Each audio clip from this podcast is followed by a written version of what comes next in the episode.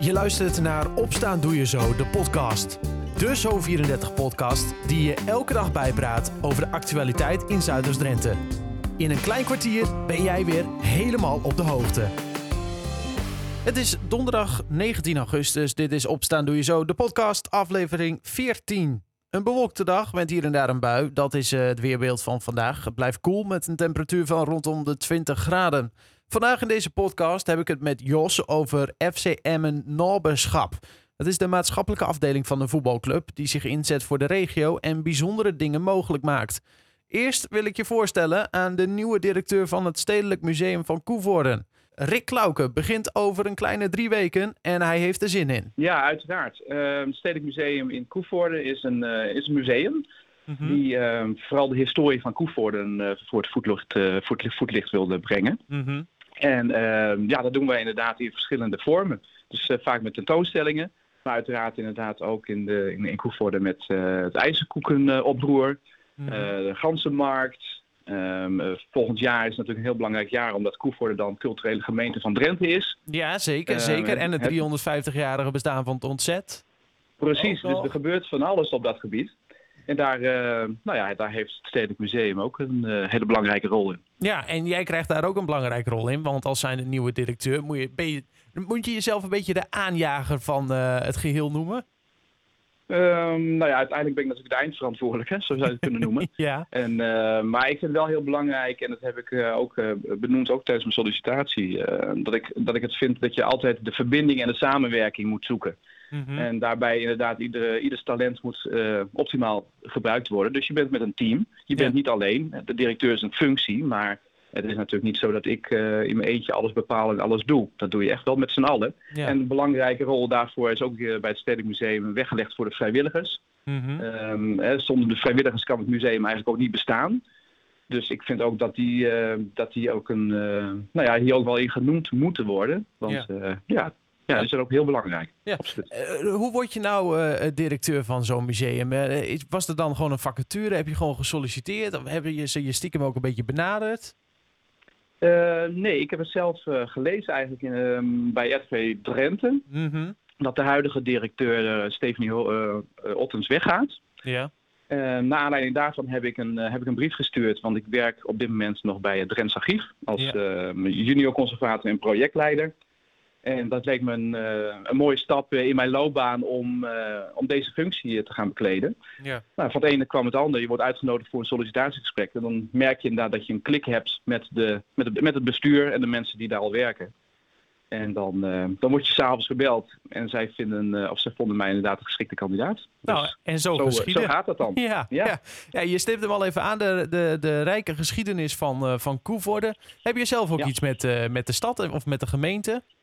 Ja, zeker. Ja, een uh, deel van mijn familiegeschiedenis ligt, uh, ligt in Koevoorde. Mhm. Uh, mijn vader is er geboren en uh, nou, die hebben ook een aantal jaren, heeft hij met zijn gezin, mijn opa en oma, daar gewoond.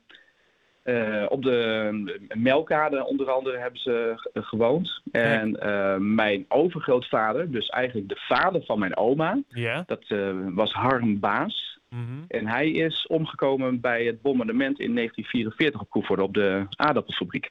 Oh ja, dat, Dus dat, is- dat dan iets minder mooi nieuws. Maar... eh, Ja, maar goed, ja, ehm, het, wat dat betreft ligt er wel inderdaad een, eh, een deel van de familiegeschiedenis. En dus mijn band met Koevoorde is er, is er ook. Ja, precies. Dus er, er ligt wel wat. eh, je kunt hier en daar uit de familie wel wat oprakelen, zeg maar. eh. Ja, precies. Ja. ja.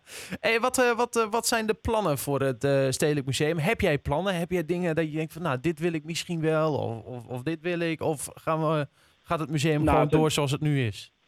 Nou, ehm, in eerste instantie zal ik inderdaad ook wel ingewerkt worden door Stephanie, mijn, eh, de, de huidige directeur. Mhm. Ehm, eigenlijk is het misschien wel leuk om te benoemen, want op eh, 12 september op zondag dan eh, hebben we de opening van een nieuwe tentoonstelling. Ehm, en eh, verder denk ik dat het eh, heel belangrijk is om te kijken hoe wij als museum kunnen groeien. We zitten natuurlijk in het Arsenaal, wat een fantastisch mooi oud, eh, oud pand is. Ja.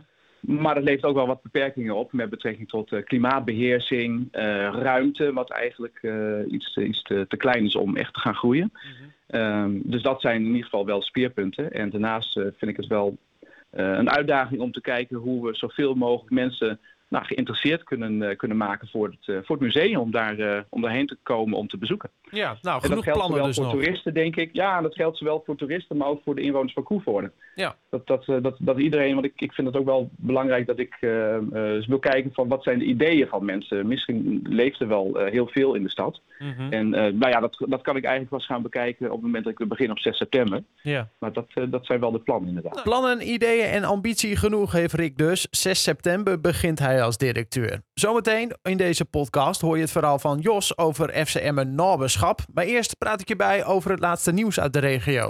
Emmen heeft een kinderzwerfboekstation. Burgemeester van Oosterhout opende gisteren de zwerfboekleeskast. De kast vind je in de gezamenlijke tuin van de Buitenhof in Emmen. Het is een plek waar kinderen boeken kunnen meenemen en achterlaten. In Exlo is gisteren een auto over de kop geslagen. Het ongeluk gebeurde aan de Boslaan. De bestuurder werd in de ambulance onderzocht, maar ze hoefde niet mee naar het ziekenhuis. De auto is bij het ongeluk naast de weg beland en zwaar beschadigd geraakt. Hoe het voertuig over de kop kon slaan, is niet bekend. En de N34 tussen Emmen Noord en Exlo is de komende twee weekenden in beide richtingen afgesloten. Tussen de carpoolplaatsen bij Odoorn en Exlo vinden dan werkzaamheden plaats langs de weg. Die werkzaamheden beginnen vrijdag om 6 uur s avonds en duren tot maandagochtend 6 uur. De weg gaat dicht omdat de bomen worden gekapt. Aannemer Avitec gaat namelijk een vangrail plaatsen tussen de N34 en de parallel lopende Borgerderweg. Begin september is de weg ook afgesloten. Dan gaat het om het stuk tussen de Punt en de Frieslandroute. Meer nieuws lees je de hele dag via zo34.nl of in de Zo34-app. FCM is inmiddels de trots van Zuidoost-Drenthe. Misschien wel van de hele provincie. Maar wat veel mensen niet weten, is dat er ook een maatschappelijke afdeling is die zich heel erg inzet voor de omgeving en de regio. Deze aparte stichting ging altijd te werk onder de naam Norbeschap United. Maar dat is nu veranderd naar FCM Norbeschap. Jos Schaart legt uit waarom. Uh, het is inderdaad inmiddels FCM Norbeschap. En uh, voorheen was het dus Norbeschap United. En, en uh, nou ja, we doen alles uit naam van FCM. Mm En uh, we kregen toch nog wel redelijk vaak, uh, vaak de vraag, maar ook wel de opmerking van... hé, hey, maar ik wist eigenlijk helemaal niet dat Norberschap United bij FCM hoorde. Ja. Yeah. en dat werd pas duidelijk op, op, dat, op, op het moment dat ze aanwezig waren bij projecten... of mhm. maatschappelijke programma's of bijeenkomsten. Ja. En toen zeiden wij eigenlijk van... hé, hey, maar dat moeten we eigenlijk helemaal niet willen. Want we moet, het moet voor iedereen duidelijk zijn dat nou ja, de maatschappelijke stichting van FCM ook echt behoort tot FCM. Um, ehm, en wij zien dat intern als, als een afdeling die volledig nou ja, meewerkt binnen de club. Yeah. maar, maar omdat we maatschappelijke activiteiten doen, is dat vormgegeven in een stichting. En daarom Stichting FCM Noberschap. Ja, precies. Dus uh, daarmee nog maar even duidelijk de link aangegeven met uh, de voetbalclub dus. Uh, maar wat, ja. wat doen jullie eigenlijk precies? Want er is bijvoorbeeld een nieuw seizoen, is gestart nu in de, in de keukenkampioen-divisie. Helaas, moeten we dan met z'n allen even zeggen. maar betekent dat dan ook dat het seizoen voor jullie nu ook net weer is begonnen? En, en, en doen jullie ook voetbalwedstrijden of wat doen jullie precies? Nou ja, eigenlijk doen we in de breedste zin van het woord aan nobberschap. Vandaar ook FCM nobberschap. Mm FCM die aan nobberschap doet. Uh, ja, dat doen we eigenlijk voor heel veel diverse doelgroepen van opgroeiende kinderen. Door bijvoorbeeld lesprogramma's van FCM uh, eh, over gezondheid, maar over lezen aan te bieden op, op, op, op, uh, ja, op scholen. Yeah. we doen aan stimuleren van voetballen in de wijk, zodat we, zodat we kinderen aan het bewegen krijgen en houden. Ehm, ja, we werken uh, samen met het UWV, maar ook USG Restart en uh, Menzo, de sociale afdeling, zoals ik het even noem, van de gemeente Emmen. Yeah. Om mensen met een afstand tot de arbeidsmarkt via het sponsornetwerk van FCM aan, aan het werk te krijgen. Uh, ja, en zo kan ik eigenlijk nog wel even doorgaan. We hebben een eigen geefbalteam, dus kinderen met een beperking mogen uitkomen in, in de bijzondere eredivisie namens FCM. Uh, we hebben het eigen wandelvoetbal, dus 60-plussers die nooit hadden kunnen dromen dat ze voor FCM zouden spelen. Toch uh, wel? nu opeens voor, uh, opeens voor FCM spelen en kunnen dat trots op een verjaardag vertellen. Ja, uh, ja we, we, we, verbinden eigenlijk iedereen die dat wil aan, aan de club FCM. Ja, en, en wat is het nou een project waar je bijvoorbeeld zelf heel erg trots op bent? Nou ja, ik, die, die vraag krijg ik wel vaker. Op allemaal dus? Ik, nou ja, ja, want ik ga geen project... Ehm, benoemen waar ik extra trots op ben. Eh, wij, wij doen, uh, uh, of wij draaien twaalf vaste maatschappelijke projecten slash programma's gedurende een heel jaar. Mhm. En als ik er nu één of twee ga uitlichten, dan ga ik anderen tekort doen. En ik en dat, dat meen ik oprecht. Ik ben, ik ben stuk voor stuk trots op elk project die, we, die we organiseren en draaien. Ja. Waarom is het zo belangrijk voor een, een voetbalvereniging als zijn de FCM om zo'n maatschappelijke afdeling te hebben? Want zo heel lang bestaat die nog niet. Nee, nee, eens. en het is ook echt wel iets opkomends de afgelopen jaren geweest.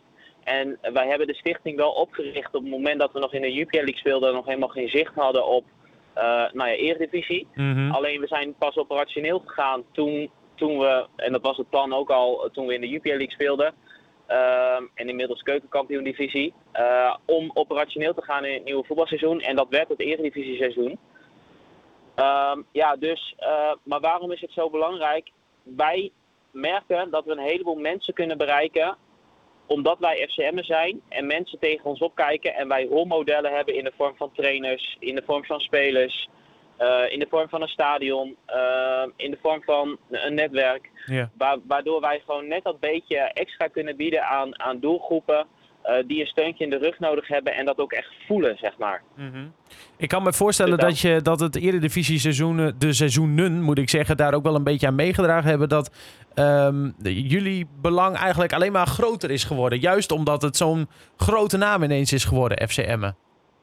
Eens, eens. En, en ik zal je ook eerlijk uh, bekennen, um, um, wij hebben een FCM kunnen gebruiken als springplank om uh, uh, nou ja, de regio in te kunnen en ook nou ja, uh, binnen te komen bij mensen waar, waarin als wij een op zichzelf staande stichting waren zonder het, de merknaam FCM, mm dan was dat zeg maar niet zo snel gegaan. aan de andere kant is het nu wel zo, nou ja, wij moeten ervoor zorgen dat we iedereen bij de club kunnen en blijven betrekken, ongeacht divisie. en, dat, en dat is gelukkig nu ook gebeurd. en dat heeft niet alleen uh, Norberschap gedaan. Dat heeft heel FCM gedaan. En wij zijn daar onderdeel van. En, en uh, dragen, daar een, nou ja, dragen daaraan bij. Ja, ik kan me voorstellen dat je er ook wel een beetje trots op bent op wat uh, neer is gezet. Nee, ja, ik, ik, ik zal niet liegen. Ik ben, ik ben in die zin hartstikke trots op, op drie jaar uh. Ja. Laat ik het dan even zo noemen. Ehm, wat we hebben bereikt. Uh, met, met, nou ja, met heel veel partners, uh, met heel veel uh, medewerking vanuit de FCM. dus, dus ja, daar ben ik wel trots op. Ja, meer informatie over deze maatschappelijke stichting kun je vinden op de speciale website fcm.nl slash maatschappelijk. En iedereen die denkt dat hij of zij iets kan betekenen voor FCM Norbeschap is altijd vrij om contact op te nemen. Tot zover. Opstaan doe je zo de podcast van donderdag 19 augustus 2021. Fijne dag en tot morgen.